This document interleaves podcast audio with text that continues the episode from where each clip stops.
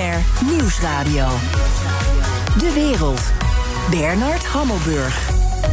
Welkom bij het beste binnenlands programma over het buitenland. Een speciale uitzending deze week. Ik praat met drie vertrekkende buitenlandwoordvoerders in de Tweede Kamer. Sadet Karaboet van de SP, Bram van Ooyek van GroenLinks... en Joel Voordewind van de ChristenUnie. Alle drie regelmatige en gewaardeerde gasten in dit programma. Welkom, alle drie. Dank. Dank. Ja, uh, we willen graag met jullie terugkijken naar een paar thema's... waarin jullie waar jullie heel veel mee bezig zijn geweest. Uh, en ik begin, uh, uh, Bram van Ooyek, als dat mag met jou. We hebben afgesproken dat we elkaar voor deze, ik zal maar zeggen... een beetje afscheidsuitzending allemaal tutoyeren... want dat doen we in werkelijkheid toch ook meestal. Ja. Dus vandaar. jij hebt je enorm, Bram, ingezet voor het debat over de, de, de opkomst van China. En ook wel in bredere zin over het Nederlandse buitenlandbeleid. je bent natuurlijk niet alleen Kamerlid, maar ook diplomaat. Ehm, we liepen achter, vond jij. Op welke manier? Ja, nou, het, het, het viel me eigenlijk het meest uh, markant weer op toen we net begonnen aan deze kabinetsperiode, het eind 2017, toen de Chinese premier uh, Li Keqiang naar Den Haag kwam en we alleen maar spraken over hoeveel geld we konden verdienen in de relatie met China. En eigenlijk geen oog hadden voor uh, ja, bijvoorbeeld de afhankelijkheid die uh, met handel gepaard gaat. Uh, weinig spraken over mensenrechten. Een beetje bij de rondvraag kwam dat aan de orde, maar dat was zeker geen hoofdpunt. En dat stond denk ik wel model voor een zekere, ja, een, een zeker een naïviteit, misschien wel in het Nederlands-buitenlands beleid. Hoe je omgaat met landen die heel veel macht hebben, maar heel weinig vrijheid kennen.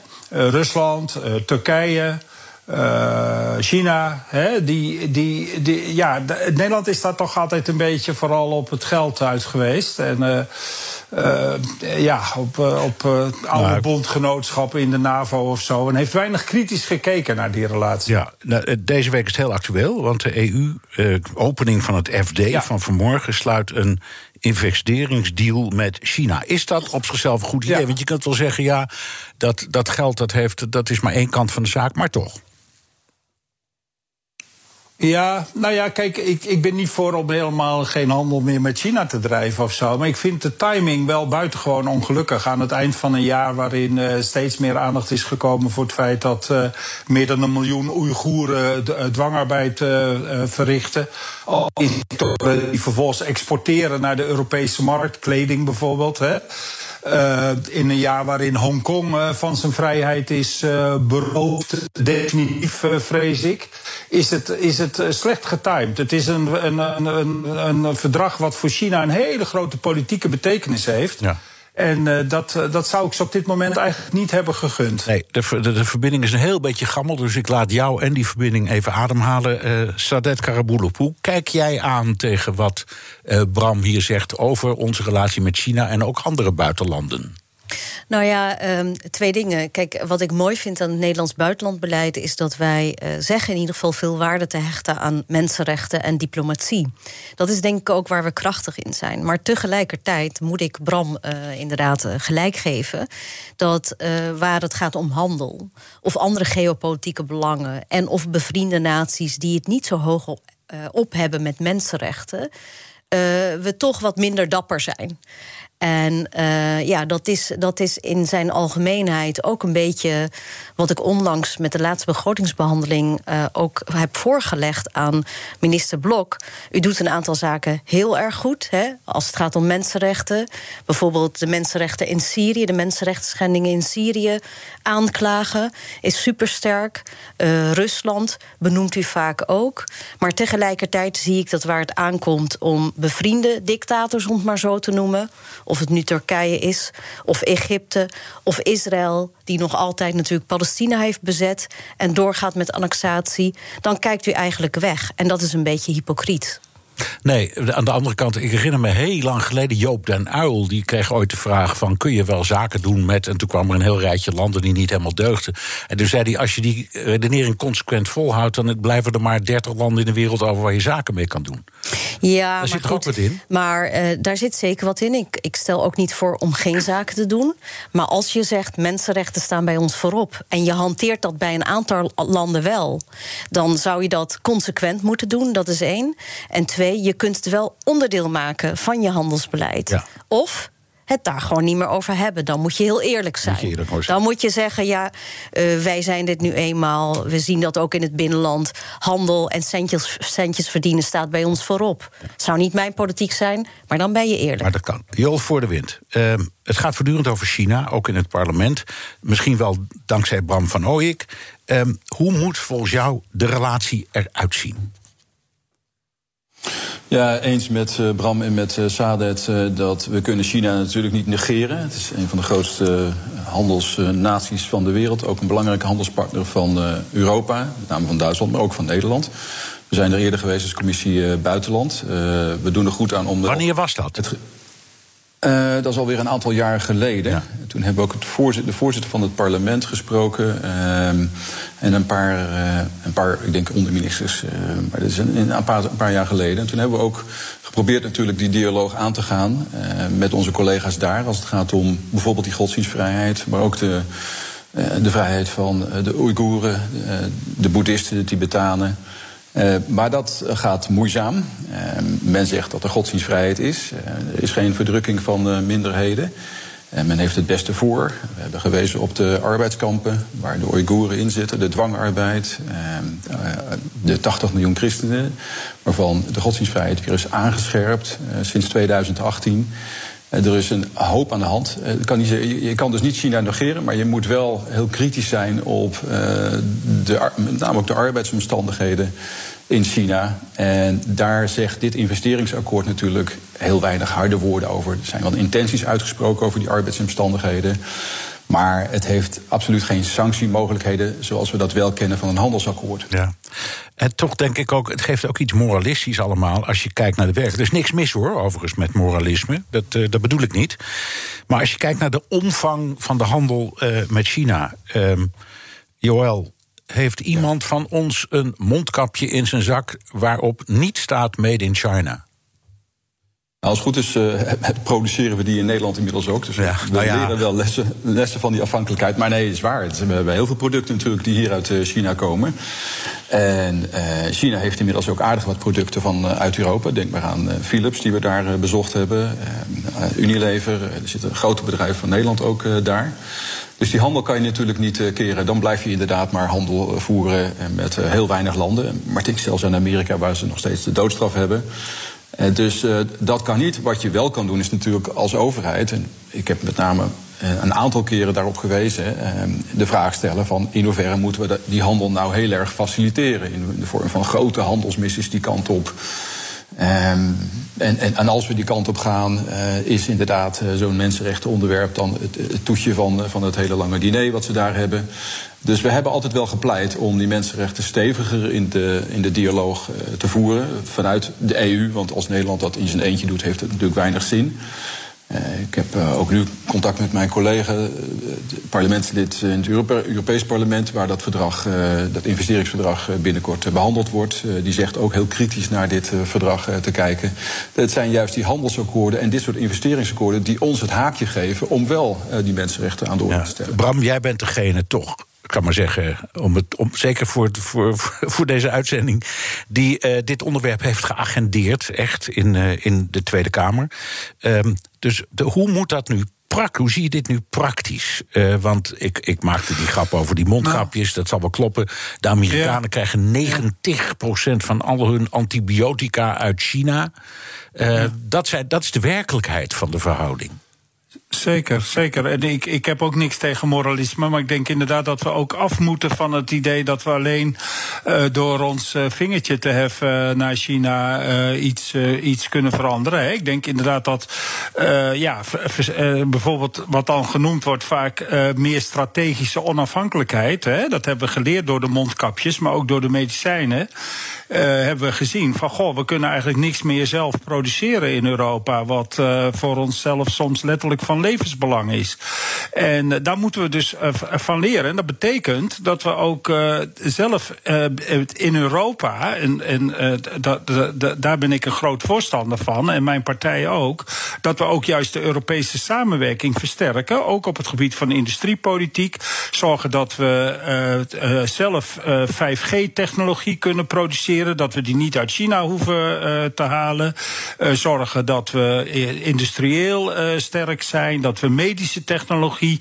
Dus een, een, een zeg maar, misschien niet alleen juist moralistisch, maar ook een economisch model waarbij we ja laten zien dat we ook aan landen als eh, China uh, uh, gewaagd zijn. Geldt ook bijvoorbeeld voor Rusland, waar we heel veel energie, uh, waar we heel veel gas importeren, omdat we niet voldoende haast maken met energietransitie. Dus we kunnen nog zo tegen Poetin tekeer gaan, maar we blijven hem ondertussen steeds meer financieren met, zijn, met, met de kliek en vooral de kliek om hem heen die in Gazprom en zo zit. Hè. Dus er zijn heel veel voorbeelden van dat je meer kunt doen zonder zonder dat dat alleen maar is het uh, geheven vingertje uh, uh, en zeggen van het is allemaal verkeerd wat je doet. Ja, dat nou, moet je blijven ja. doen. Daar is niks mis mee, zoals je net zelf terecht zei.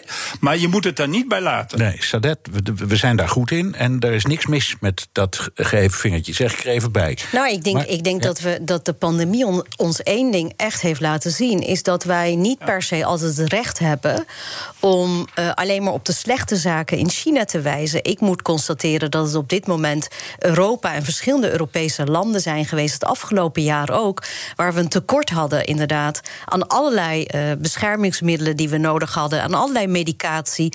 En dat het uh, pijnlijk maar waar wel China is Jawel, geweest. Maar, maar, Bram zegt, wat we hiervan leren is dat we dat allemaal zelf moeten gaan doen, of veel ja. meer. Nou, laat ik het zo zeggen. Kijk, het is natuurlijk super verkeerd om te denken, ja, zij kunnen het wel en wij niet, en daarom moeten we het doen. We moeten het doen omdat dat de menselijke behoefte is. En ik denk dat, we, dat er wel één ding is wat we van andere landen en andere continenten kunnen leren. Dat is niet dat we zelf genoegzaam moeten zijn, want we hebben helemaal geen reden om zelf genoegzaam te zijn. Maar, maar wel dat wij ook onze handel, vrijhandel, wat altijd een heilige graal was, ook in de Europese Unie, uh, moeten zien te reguleren opdat de economie en de handel in dienst komt van de mensen, in dienst komt uh, van uh, eigenlijk onze samenleving. En we uh, onze economie op een duurzame manier gaan inrichten. En dan is het, denk ik, nu niet de prioriteit om te wijzen naar anderen, maar te zorgen voor veranderingen in ons eigen systeem. Dit is BNR De Wereld. Mijn gasten zijn Sadet Karabulut, Bram van Ooyik en Joel Voor de Wind. Joel, je stond aan de wieg van het kinderpardon. Misschien is dat wel in de afgelopen tijd jouw claim to fame geweest. De regeling om asielkinderen die al lange tijd in Nederland waren, toch een verblijfsvergunning te geven. Waarom was dat nou zo belangrijk voor je? Omdat uh, deze kinderen hier minimaal vijf jaar, maar soms wel tien jaar. Ik heb kinderen gesproken die hier geboren waren en hun land van herkomst helemaal niet kenden. Hier op school hadden gezeten, geïntegreerd waren volledig de Nederlandse taal spraken. En waarbij, we hebben het nu steeds over de toeslagenaffaire. maar waarbij hier ook uh, deze mensen in gebreken zijn gebleven. Uh, en heel lang moesten wachten op een uiteindelijk uh, besluit. En we hebben ook gezien dat ondanks de toekenningen van de rechters, het ook het IND was en, en, en de overheid was die doorprocedeerde om te kijken of we deze mensen toch eruit konden krijgen. Nou, daar vonden we van, uh, dat moet stoppen. Dat geeft zoveel onzekerheid en, en psychologische belasting van deze kinderen. Uh, of je zegt, we gaan het binnen vijf jaar doen. Uh, of je zegt, uh, na vijf jaar is het genoeg... en dan krijgen ze hier een generaal pardon of een kinderpardon... zoals we dat hebben genoemd. Ja. Nou, we hebben toen gezegd, uh, met de bestaande regeling die er was... werden bijna geen kinderen meer toegelaten. Toen hebben we gezegd, nou ja, laten we dan uh, een eenmalig kinderpardon alsnog doen... en tegelijkertijd kijken of we het voor elkaar kunnen krijgen met een investering van 100 miljoen. Om die snelheid uh, veel hoger te krijgen. En de kinderen binnen vijf jaar de komende tijd uh, uitsluitsel te geven. Nou, die deal is er toen gemaakt. Dat heeft een, een oplossing gegeven voor, voor, voor 600 kinderen. Plus broertjes en zusjes en ouders kwam je op over de duizend kinderen en ouders die hier uiteindelijk mochten blijven. Ja, het zijn in Amerika noemen ze dit dreamers, hè, dit soort kinderen. Dus het is vergelijkbaar met wat speelt met al die illegale uit Mexico. Kinderen ja, het is voor een deel vergelijkbaar. Kijk, daar komen ze uitsluitend natuurlijk eh, om de Amerikaanse droom na te leven. Hier had je ook toch wel een, een groot deel uh, van de ouders die gewoon in de procedure hadden gezeten, de asielprocedure hadden gezeten. En dus niet e- in eerste instantie economische vluchtelingen waren, maar hier gewoon uitgeprocedeerd waren. Of uh, nog in procedure zaten, maar het zo lang duurde. Ja, waarvan uiteindelijk een meerderheid, en we hebben er toen het voortouw ingenomen samen met, uh, met D66. Ja. En als je nou kijkt naar uh, dat hele verhaal over Lesbos en die Moria-deal, 100 vluchtelingen die mochten komen, uiteindelijk, hè, dat mocht dan van uh, Broekers-Knol, uiteindelijk kwam een handje vol. Heb je nou het idee van ik ben uiteindelijk toch, uh, nou ik voel me bedrogen? Zeker door de coalitiepartij, de, de VVD in dit geval? Nou nee, want die deal die staat nog steeds. Hè. De eerste 50 kinderen van die 100 uh, zijn in Nederland aangekomen. Uh, de tweede 50, daar roepen we de staatssecretaris uh, op om die ook naar Nederland nu te laten gaan. Dat moet ook snel gebeuren. dus dat is, dus we zijn niet bedrogen. Kijk, maar hier ligt ook weer een probleem achter. Hè, want we kunnen deze 100 straks naar Nederland halen. We kunnen er misschien nog 500 naar Nederland halen. Maar wat belangrijker is, eh, en dat weet Bram van Ooyink misschien als geen ander... want hij is uh, vluchtelingen- en migratieambassadeur geweest... dat je met Europa uh, tot een migratiepact komt. Hoe kunnen we nu de toestroom naar Europa en beter reguleren... en veel sneller uh, organiseren aan de buitengrenzen... zodat de mensen daar niet verstoken zijn van allerlei basisbehoeftes... maar dat ze snel weten of ze hier mogen blijven in Europa of niet. En als ze dan kansrijk zijn, moeten ze hergeplaatst worden ja. uh, over Europa. Ja. Dat, is, dat is misschien nog wel veel belangrijker dan die, dan die 100. Sadet, migratie is een heel gevoelig thema. Um, er zijn partijen die keihard beleid daarop voeren. En dat vertaalt zich onmiddellijk in zetelwinst.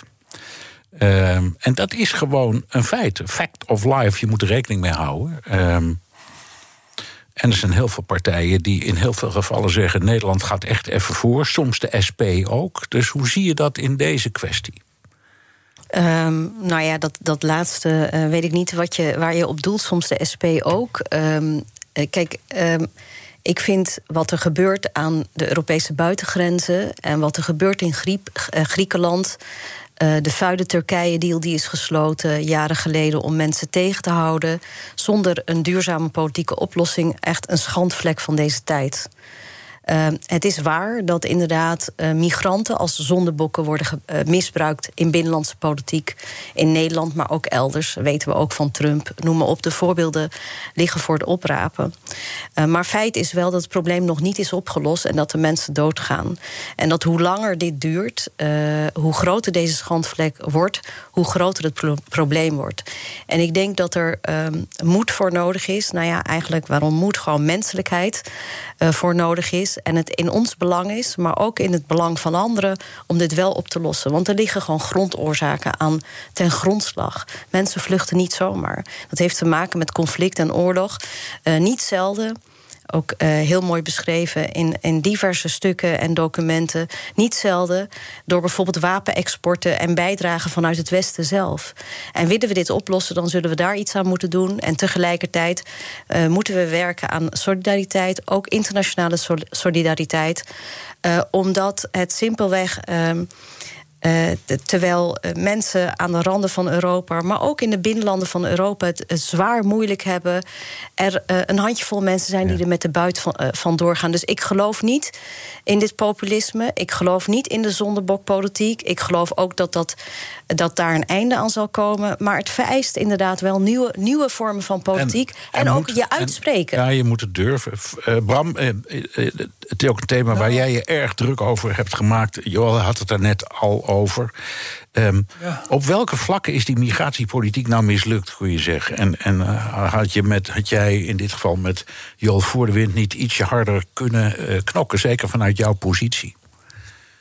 Ja, nou, ik geloof dat Joel en ik alle ons uh, uiterste best hebben gedaan. We zijn allebei asielwoordvoerder. En ik heb, uh, dat wil ik ook best zeggen, ik heb uh, toch wel respect voor wat Joël in een coalitie die hem het niet gemakkelijk heeft gemaakt, gedaan heeft. Maar de eerlijkheid gebiedt wel om te zeggen dat het beleid van Nederland, en, en Sadet wees daar net ook op, toch wel heel erg mager is geweest de afgelopen jaren. Als je, en gekenmerkt is eigenlijk door uh, wegkijken. Hè, daar waar we ons hadden moeten inzetten voor Europese oplossingen, precies wat Joël net uh, zei, hebben we toch vooral uh, systematisch weggekeken bij Lesbos, bij het terugslepen van vluchtelingen naar Libië, bij het verdrinken van dit jaar ook weer 2000 mensen op de Middellandse Zee, op dit moment in Bosnië, waar de vluchtelingen in gammele teentjes in de sneeuw tot, tot aan hun knieën, zonder verwarming en zonder wat dan ook, in de sneeuw staan aan de grenzen van Europa. Dat laten we allemaal gebeuren. En Nederland heeft zich eerlijk gezegd laten kennen de afgelopen jaren als een land dat liever de andere kant op keek, dat liever wegkeek als zoiets zich uh, voordeed, dan dat het uh, erop afging en meehielp te zoeken naar een oplossing. Ja. Ik heb een, ik, dat ik, moet echt veranderen. De kom dat ik, moet echt de komende jaren anders. Ik heb om, omwille van de tijd een, een, een korte vraag aan jullie alle drie, heel snel. Je kunt niet ontkennen dat, je, dat er een limiet moet worden gesteld op vluchtelingen. Zelfs Paul Scheffer, die dit onderwerp ooit heeft geagendeerd, zegt: je moet denken in de, in de zin van uh, quota. Joël, wat is jouw reactie als ik dit zeg? Van, ook als je, hè, als je er duizend toelaat, wat doe je met nummer 1001? Ja, ik, ik vind dat zelf de verkeerde vraag. Ik vind veel meer dat we naar een Europees asielbeleid moeten. Een snelle beoordeling aan de buitengrens en dan een herverdeling over Europa. Wat zeg je tegen degene als je zegt bijvoorbeeld 20.000?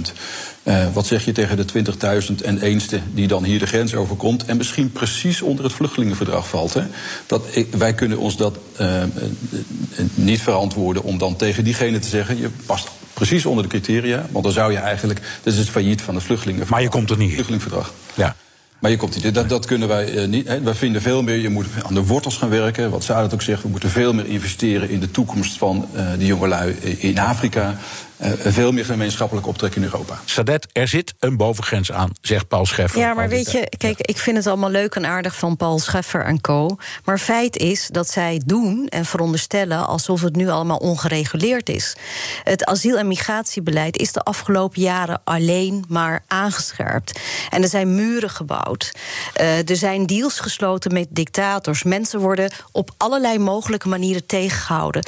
Maar het werkt niet. En waarom werkt het niet? Omdat er niets wordt gedaan aan de uh, grondoorzaken. Op het moment dat Europa, en Nederland staat ook in de top 10 exporteurs, wapens blijft exporteren, permanente oorlogen blijft steunen. En we dit systeem niet veranderen, zodat arme landen zich ook kunnen ontwikkelen, blijven we geconfronteerd ja, ik, worden met mensen op de Ik kom er straks met jou op terug, omdat soms noemen wij dat vredesmissies. Hè, maar daar gaan we direct apart over praten. Bram, ook even de stelling van, uh, van Scheffer ja. en consorten. Uh, uh, natuurlijk, je moet ja. ruimhartig zijn, maar je kan niet iedereen binnenlaten.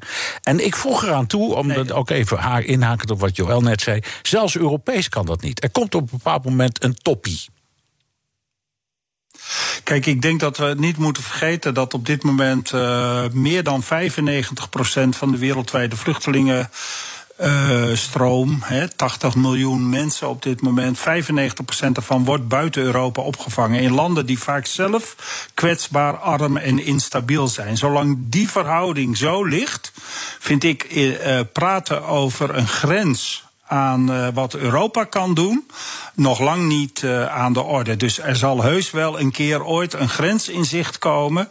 Maar zolang 95% van de vluchtelingen buiten Europa wordt opgevangen, moeten wij niet. Ma mag ik dan één cynisch vraagje, cynisch vraagje aan toevoegen aan jou meteen? Want je zit in dit onderwerp als geen ander. Voor de part, jullie zijn alle drie van partijen die dat vinden. Je gaat alle drie weg zeg je ja. nu niet, is, het, is wat je nu niet zegt, niet ja. een wegjager voor de kiezer? Ja, nou ja, kijk, dat, dat, daar hadden we het net inderdaad ook al over. Hè? Uh, je, je bracht dat punt al eerder op. Ik moet maar steeds denken aan de meer dan 160 gemeenten in Nederland. Die hebben gezegd: wij willen best 500 kinderen vanuit uh, Lesbos overnemen. Hè? Meer, dan, dus 100, meer dan 160 gemeenten van elke politieke kleur. Daar zitten SP'ers, daar zitten ChristenUnie en GroenLinksers bij. Maar ook VVD'ers, CDA'ers. Echt alles wat je maar kunt uh, bedenken. Dus er is veel meer draagvlak in Nederland.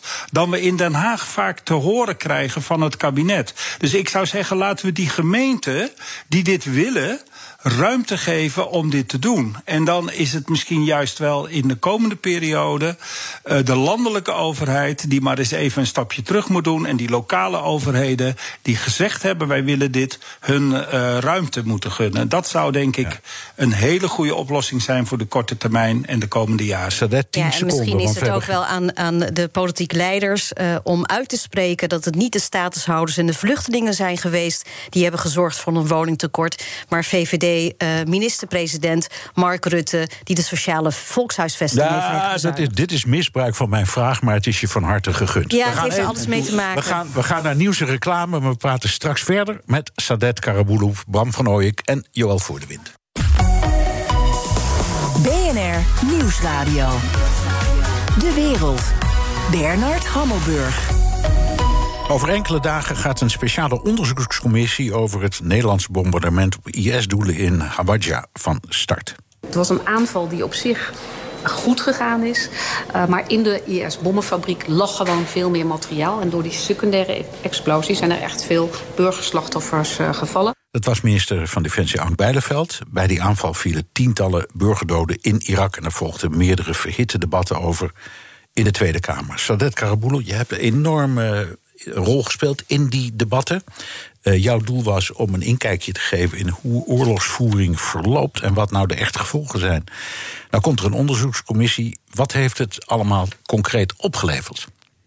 De debatten? Ja. Nou ja, allereerst um, uh, is het natuurlijk een van de belangrijkste taken uh, voor mij als volksvertegenwoordiger is controle van de regering. En zeker in zaken als oorlog en vrede weet ik dat er heel veel propaganda bij komt kijken en lang niet altijd het eerlijke verhaal wordt verteld. Uh, wat we hebben bereikt met heel veel pijn en moeite en hele goede onderzoeksjournalisten, uh, is dat we bloot hebben gelegd dat de regering niet altijd de waarheid heeft gesproken. Maar vooral, en dat is natuurlijk belangrijk voor de toekomst, maar ook voor uh, rechtvaardigheid richting de mensen die het betreft. Uh, is vastkomen te staan dat er bij dat bombardement uh, uh, in Irak, Hawija, meer dan 70 mensen, burgerslachtoffers, om het leven zijn gekomen. En daarbij hebben we, denk ik, voor het eerst echt een inkijk ge gekregen in hoe oorlogsvoering nu gaat. Um, en we zijn er nog niet, want we hebben nog niet de hele waarheid achterhaald. Maar er is wel een publiek debat gevoerd, op zijn minst. Ja. En we hebben een aantal feiten wel vast kunnen stellen. En het doet mij pijn. En het is, uh, denk ik, uh, uh, heel verkeerd dat het op deze manier heeft moeten gaan. Ja, maar goed, aan de andere kant, iedereen die iets van oorlog weet, waaronder ik, want ik heb er een heleboel waargenomen, ja, daar, daar vallen hoop doden. Dat is niet anders. Ook ja, onder... ja, Bernard. En niemand dat, wil dat ooit. Ja, Bernard, dat hoef je mij echt niet te vertellen. En dat is ook waarom ik mij verzet tegen oorlog en waarom ik probeer een wereld zonder oorlog voor ja, elkaar te krijgen. Prachtig. Maar dat goed, is prachtig, dat Bernard. Kan, maar, maar wacht even. Maar, maar nee, maar, maar wacht, nee, nee, maar nee, wacht. ik, ik, de, regering, de regering heeft ons altijd voorgeschoteld hele mooie doelen. En dat er geen burgerslachtoffers zouden vallen, want precisieoorlog. En ja, als dat wel zou gebeuren. Niet. Nee. En als dat wel zou gebeuren, maar ik vertel je even wat onze regering heeft, ons heeft doen uh, wijsmaken. Dat, dat we zouden worden geïnformeerd. En dat is allemaal misgegaan. Okay. De grond, ik denk dat de oorzaak, althans, of reden is dat we hebben twee artikelen in de grondwet, die gaan erover, 90 en 96. Daar staat dat de krijgsmacht onder andere het als doel heeft het handhaven van de internationale rechtsorde. Dat noemen we dan vaak eufemistisch vredesmissies. Maar het zijn gewoon oorlogsmissies, het is gewoon oorlog. Ja, dus, dus je zegt, dat... grondwet deugt niet. Nee, dat zeg ik niet. Dat zeg ik niet. Kijk, je hebt twee verschillende dingen. Je hebt, je hebt de grondwet uh, en je hebt de missie zelf... en de manier waarop oorlog wordt verkocht aan de bevolking. En mijn constatering is dat één, hè, over de resultaten van die oorlogen... en de permanentie daarvan, daar komen we zo nog te spreken... is dat vaak, of dat nou Afghanistan is... of dat nou Irak is, of nou de strijd is tegen IS... die op een bepaalde manier worden verkocht. Uh, namelijk dat het precies is dat er geen burgerslachtoffers zouden vallen... dat we democratie komen brengen. Keer op keer. dat is met Afghanistan-oorlog zo gebeurd. Dat is nu met Hawija zo gebeurd. we hebben natuurlijk de hele discussie gehad over non-lethal assistance, assist, non-lethal assistance aan Syrische rebellengroepen, jihadisten, salafisten. Keer op keer blijkt dat ons een mooier beeld wordt voorgeschoteld dan de realiteit is. En dat het heel veel moeite kost om de waarheid te achterhalen. Ja. Um, Bram, ehm, hoe kijk jij hier aan? Militaire missies, het maakt deel uit van wat er gebeurt. We noemen het vredesmissies. Soms gaan ze trouwens goed. Ze gaan lang niet allemaal fout. Denk aan de, de missie in Somalië, ik noem maar iets. Maar is mhm. dat iets waarvan je zou kunnen zeggen... daar moet de krijgsmacht gewoon eigenlijk helemaal niet aan beginnen? Aan dit, in dit soort conflicten kan je beter je tengels bij je houden. Ja, nee, dat, dat gaat mij te ver. Ik, ik denk dat er grote internationale conflicten zijn uh, waar uh, het goed is dat, wat dan vaak de internationale gemeenschap wordt genoemd, uh, ingrijpt. En soms moet dat helaas ook met militaire middelen. Dat betekent bijna altijd, daar staat het natuurlijk gelijk in dat je dan vuile handen maakt en dat de waarheid geweld wordt aangedaan en dat de verschrikkelijke uh, aantallen burgerslachtoffers uh, ja, zeg maar onder de pet worden gehouden. Dat hebben we allemaal gezien bij Hawija. Alles waarom oorlog uh, zo slecht is. Maar ja, er moest, en daar, daar lopen SP en GroenLinks soms ook uiteen. Er moest wel worden opgetreden tegen de islamitische staten, bijvoorbeeld tegen het kalifaat.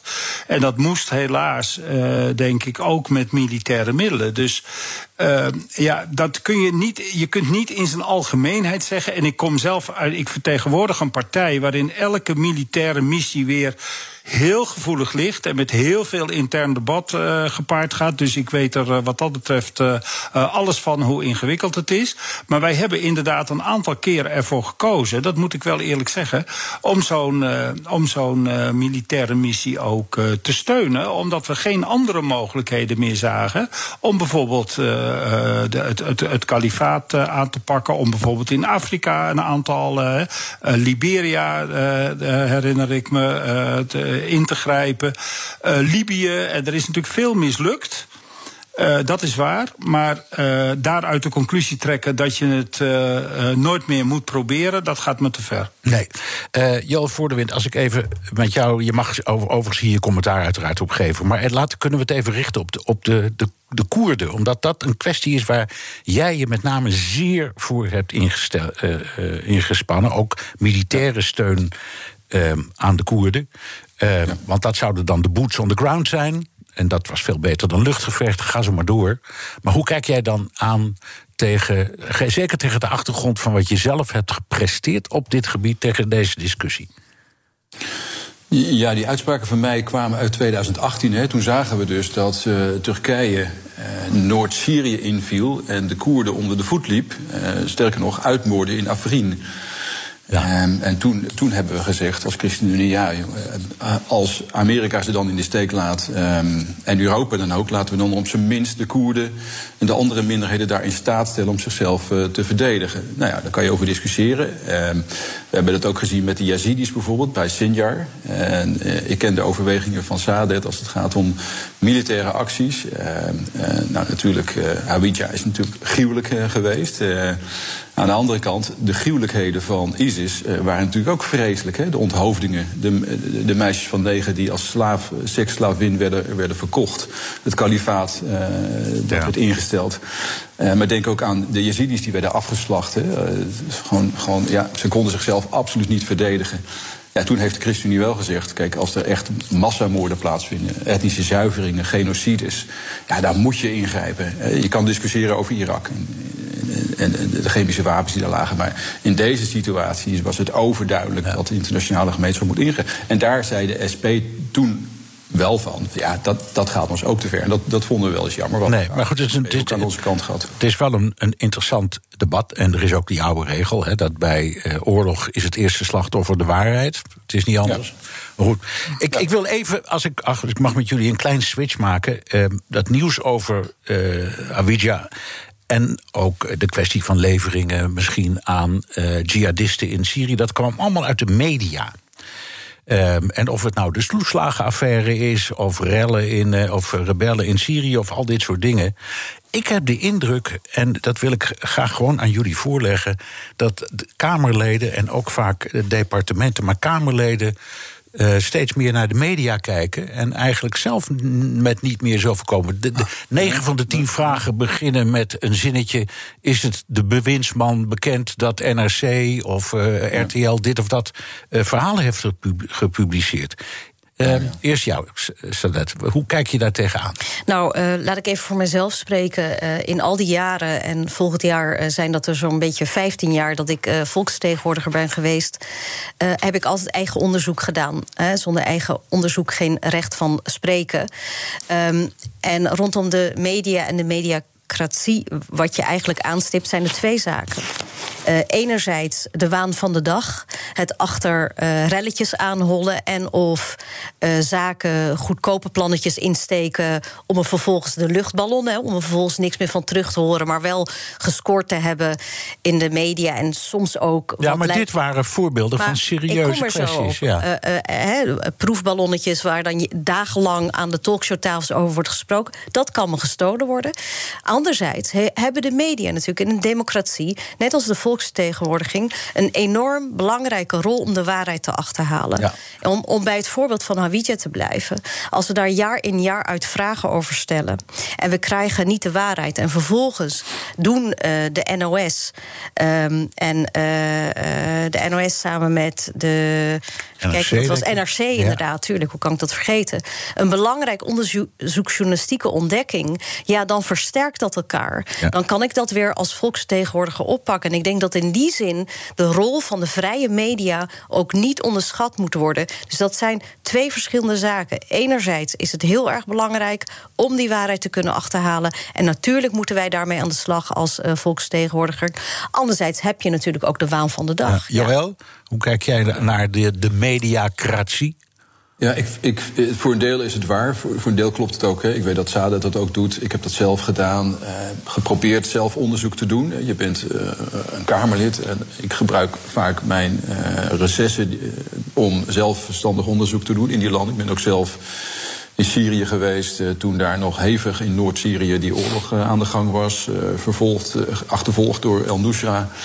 Uh, maar ik wilde wel zelf met eigen ogen en oren zien uh, wat er nou precies aan de gang was. Ook in veel vluchtelingenkampen geweest. Dus ik zie best, en Harry van Bommel heeft het voor Sadet gedaan... en Bram heeft het ook wel gedaan. Maar je bent natuurlijk wel beperkt als Kamerlid. Hè. Je we hebben allemaal één beleidsmedewerker... en we moeten opboksen tegen duizenden ambtenaren... die met allerlei uh, rapporten komen waar wij dan een kritische blik op moeten loslaten. Ja. Nou, we doen ons stinkende best. Gelukkig hebben we de, de jettengelden inmiddels. Dus die, die, die, geven ons, die, die stellen ons in staat iets meer uh, onderzoek uh, te doen. Maar het blijft natuurlijk een samenspel. En het ja. is ook goed dat de media die hoeder van de democratie is... en een samenspel met de, de par het parlement heeft om de regering te controleren. Ja. Bram, ben je eens? Ja hoor, dat, dat, is, dat is zeker het geval. Ik, ik denk alleen dat... Uh, dat we wel onder ogen moeten zien dat, dat, uh, dat ook gewoon de aard van het uh, Kamerwerk heel erg veranderd is. En dat het uh, veel. Hè, wij kunnen natuurlijk van onszelf zeggen, Sadet en Joël en ik, van ja, wij zijn de uitzonderingen op de regel. Wij doen het allemaal nog wel. Dat heb ik zo niet gezegd. dat is heel fijn voor, de, dat is heel fijn voor deze uitzending. En, en, en, en maar ja. kijk, er, er, is wel degelijk natuurlijk iets veranderd. En ik, ik moest eerlijk gezegd een beetje glimlachen toen je dit punt opbracht. Want ik dacht eraan uh, toen ik voor het eerst in de Kamer kwam in uh, 19, uh, in, in uh, 93. Dat is ongelooflijk hoe lang geleden. Ik moest, moest zelf even denken. Toen hadden partijen nog die in de regering zaten, die hadden 50 zetels. Er, er waren twee partijen in het kabinet, PvdA en CDA, die hadden samen 103 zetels. Ja. De een iets meer dan 50 en de andere iets minder dan 50. Dus het hele Kamerwerk was totaal iets anders. De meeste Kamerleden deden in betrekkelijke anonimiteit hun werk. Hoefden niet per se te scoren. Hadden alle tijd om zich in dingen te verdiepen. En uh, kwamen dan zo nu en dan een keer met iets uh, uh, bijzonders naar buiten. Nou, dat, dat, als je dat nu doet, dan kom je de volgende keer niet meer op de lijst. Want dan heeft niemand van je gehoord. Dan, ja, he, dus, ik, ik, denk dat het iets meer is dan alleen maar of een individueel Nee, dat is, dat is natuurlijk ook waar. Okay. En ik ga, ik ga ook in de recessen op reis. En ik lees ook wel eens een rapport. Hè. Maar we moeten moeten gewoon erkennen dat de aard van het Kamerwerk echt veranderd is. En, ook de aard, het zou heel goed zijn als dat weer verandert. Ja, en ook de aard van de journalistiek, want wij jagen er ook meer op. Dat is de, ook de andere kant. is de journalistiek Gelukkig is de journalistiek zoveel, uh, denk ik, uh, dynamischer en levendiger en pluriformer geworden. Er zijn gewoon simpelweg veel meer media dan, uh, dan 25 jaar geleden. Dat die een beetje compenseren wat de Tweede Kamer in zijn totaliteit laat liggen. Ik heb nog een heel kort vraagje aan jullie alle drie. We krijgen in Amerika een nieuwe regering. Um, nadat uh, Bush was verdwenen, waar iedereen een hekel aan had in Europa. en Obama kwam, riepen we allemaal: hè, hè, ze zijn weer normaal. Vinden jullie dat we net zo moeten kijken naar de komst van Biden en denken: hè, hè, Amerika is weer normaal? Sadet? Nee. Nee, kijk, uh, Biden, die uh, natuurlijk, kijk, het is een opluchting, taaltoon. Uh, Trump is natuurlijk een, een, geval apart. dus de relatie zal ontspannender worden. de, de, de, de uitingen zullen vriendelijker worden. Maar we moeten niet vergeten, de Verenigde Staten heeft ontzettend grote problemen.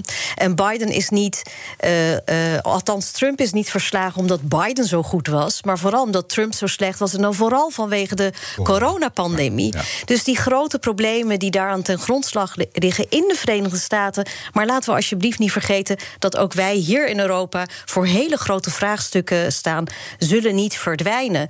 En ik denk dat, dat een van de belangrijkste dingen voor mij is, hè, uh, waar ik me jarenlang uh, tegen heb verzet, namelijk dat interventionisme, meedoen aan militaire missies, niet principieel niet. Maar gewoon omdat we op die manier democratie zouden brengen. Het beëindigen daarvan. Uh, nou ja, ik, ik ben erin niet helemaal gerust op dat uh, Biden daarin een verandering nee, zal maken. Want hij neemt, dus, hij neemt weer de leiding, uh, Joël, hij neemt weer de leiding van de NAVO, heeft hij ook gezegd. Dus er komen weer verzoeken om interventies. Is een punt, hè? Ja, zeker. Tegelijkertijd uh, zegt Biden, zal Biden ongetwijfeld ook zeggen dat Europa veel meer zijn eigen veiligheid en zijn broek uh, moet ophouden op dat uh, gebied. Hè. Wij geven natuurlijk verreweg weinig uit in vergelijking met de VS aan onze defensieveiligheid. Dus dat pleidooi, trouwens, dat was er ook al onder Obama, is sterker geworden natuurlijk onder Trump. Maar dat pleidooi zal gewoon uh, doorgaan. doorgaan ja. ik, ik, mag, ik mag wel hopen dat het niet leidt tot een Europees leger. Want dan uh, zijn we wel weer heel erg afhankelijk van Frankrijk en Duitsland. In welke avonturen we dan gestort worden. Ik denk dat we er goed aan doen om die verbindenis, die transatlantische verbindenis, in stand te houden met Amerika. Ook met het oog op bijvoorbeeld uh, een vuist maken richting, richting Rusland. Ja. Want daar zijn de dreigingen nog lang niet uh, gedaan. Nee, ik ga tenslotte naar uh, Bram, die is van de jullie drie in al van Nestor. Ja. Jij, jij, jij hebt heel veel nagedacht. Ik nog heel jong, hè? Ja, dat weet ik. Ja. Zeker, ja. Bram. Jij, jij, jij hebt heel veel nagedacht over hoe uh, een land als Nederland en Europa moeten kijken naar die grootmachten. Uh, denk jij. Ja, ik hoop. Ja, denk jij die bij het moment dat Biden aantreedt en de relatie weer wat normaler wordt, dit is het moment om toch door te zetten? Kijk, ik denk, ik, ik hoop, laat ik het zo zeggen. Kijk, dat we hebben geleerd van het feit dat in de VS iemand als Trump uh, aan de macht uh, heeft kunnen komen. En dat kan over vier jaar weer gebeuren. Misschien uh, zijn zijn schoonzoon of zijn dochter of iemand anders van zijn, uh, van zijn blinde, uh, de mensen die een blindelings hebben gevolgd. En daar moeten wij van leren. Kijk, wij hebben tientallen jaren lang een buitenlandse politiek gevoerd waarin de, het woord van de VS toch min of meer heilig was. Hè? De, de transatlantische band. Nou ja, uh, het Groot-Brittannië is uit de EU gestapt. in de VS kunnen mensen als Trump het voor het zeggen krijgen. Dus ik hoop dat we de vier jaar van Biden gaan gebruiken om uh, heel goed na te denken over hoe we onze relatie ten aanzien van de VS uh, wat, uh, ja, wat, wat op, op, op, opnieuw willen definiëren. Ja. En minder klakkeloos achteraan lopen en meer onze lijn trekken. Dank, onze eigen lijn trekken. Dank voor dit gesprek, Sadet Karabulut van de SP, Bram van Ooyek van GroenLinks en Jo Voordewind van de ChristenUnie. En gelukkig nieuwjaar. Jij ook. De Joe en Donald Show. Tijd voor het laatste nieuws over de naschokken van de Amerikaanse verkiezingen met onze correspondent in Washington, Jan Postma.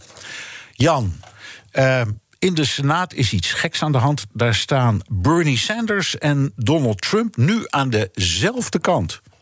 Ja, Bernard, dat komt door die uh, corona-check. Uh, Trump die wil dat bedrag omhoog, uh, van 600 naar 2000 dollar. nou, McConnell, republikeinse leider... en de meeste republikeinen hebben daar helemaal geen trek in. Maar Bernie Sanders natuurlijk wel, die roept dat al veel langer. En ik moet zeggen, het is wel een mooi gezicht, hoor... dat die, die zelfverklaarde socialist Bernie Sanders... nu met een poster van een tweet van Donald Trump... aan het zwaaien is op de senaatsvloer. En Sanders moet er zelf ook nog wel wat aan wennen. ik moest er zelf wel om lachen, dat, dat, dat een beetje dat ongemakkelijk ongemakkelijke gevoel wat Sanders heeft... Uh, dat werd nog een keer extra dik aangezet door Fox News. En dat klonk zo. You've called President Trump a racist, a sexist, a xenophobe... a religious bigot, a demagogue, a liar... But now you say he's a visionary when it comes to 2000. Oh, I didn't say visionary. No, I didn't, Brett. I think President Trump is the most dangerous president in the history of our country, but he happens to be right on this issue. I think he is correct in saying that we are living in a terrible, terrible economic moment for tens of millions of working class families. Uh, we fought very hard to get the $600 direct payment. Trump is right in saying that's not enough. We need to go to $2,000. I didn't say he was a visionary. He's right on this issue.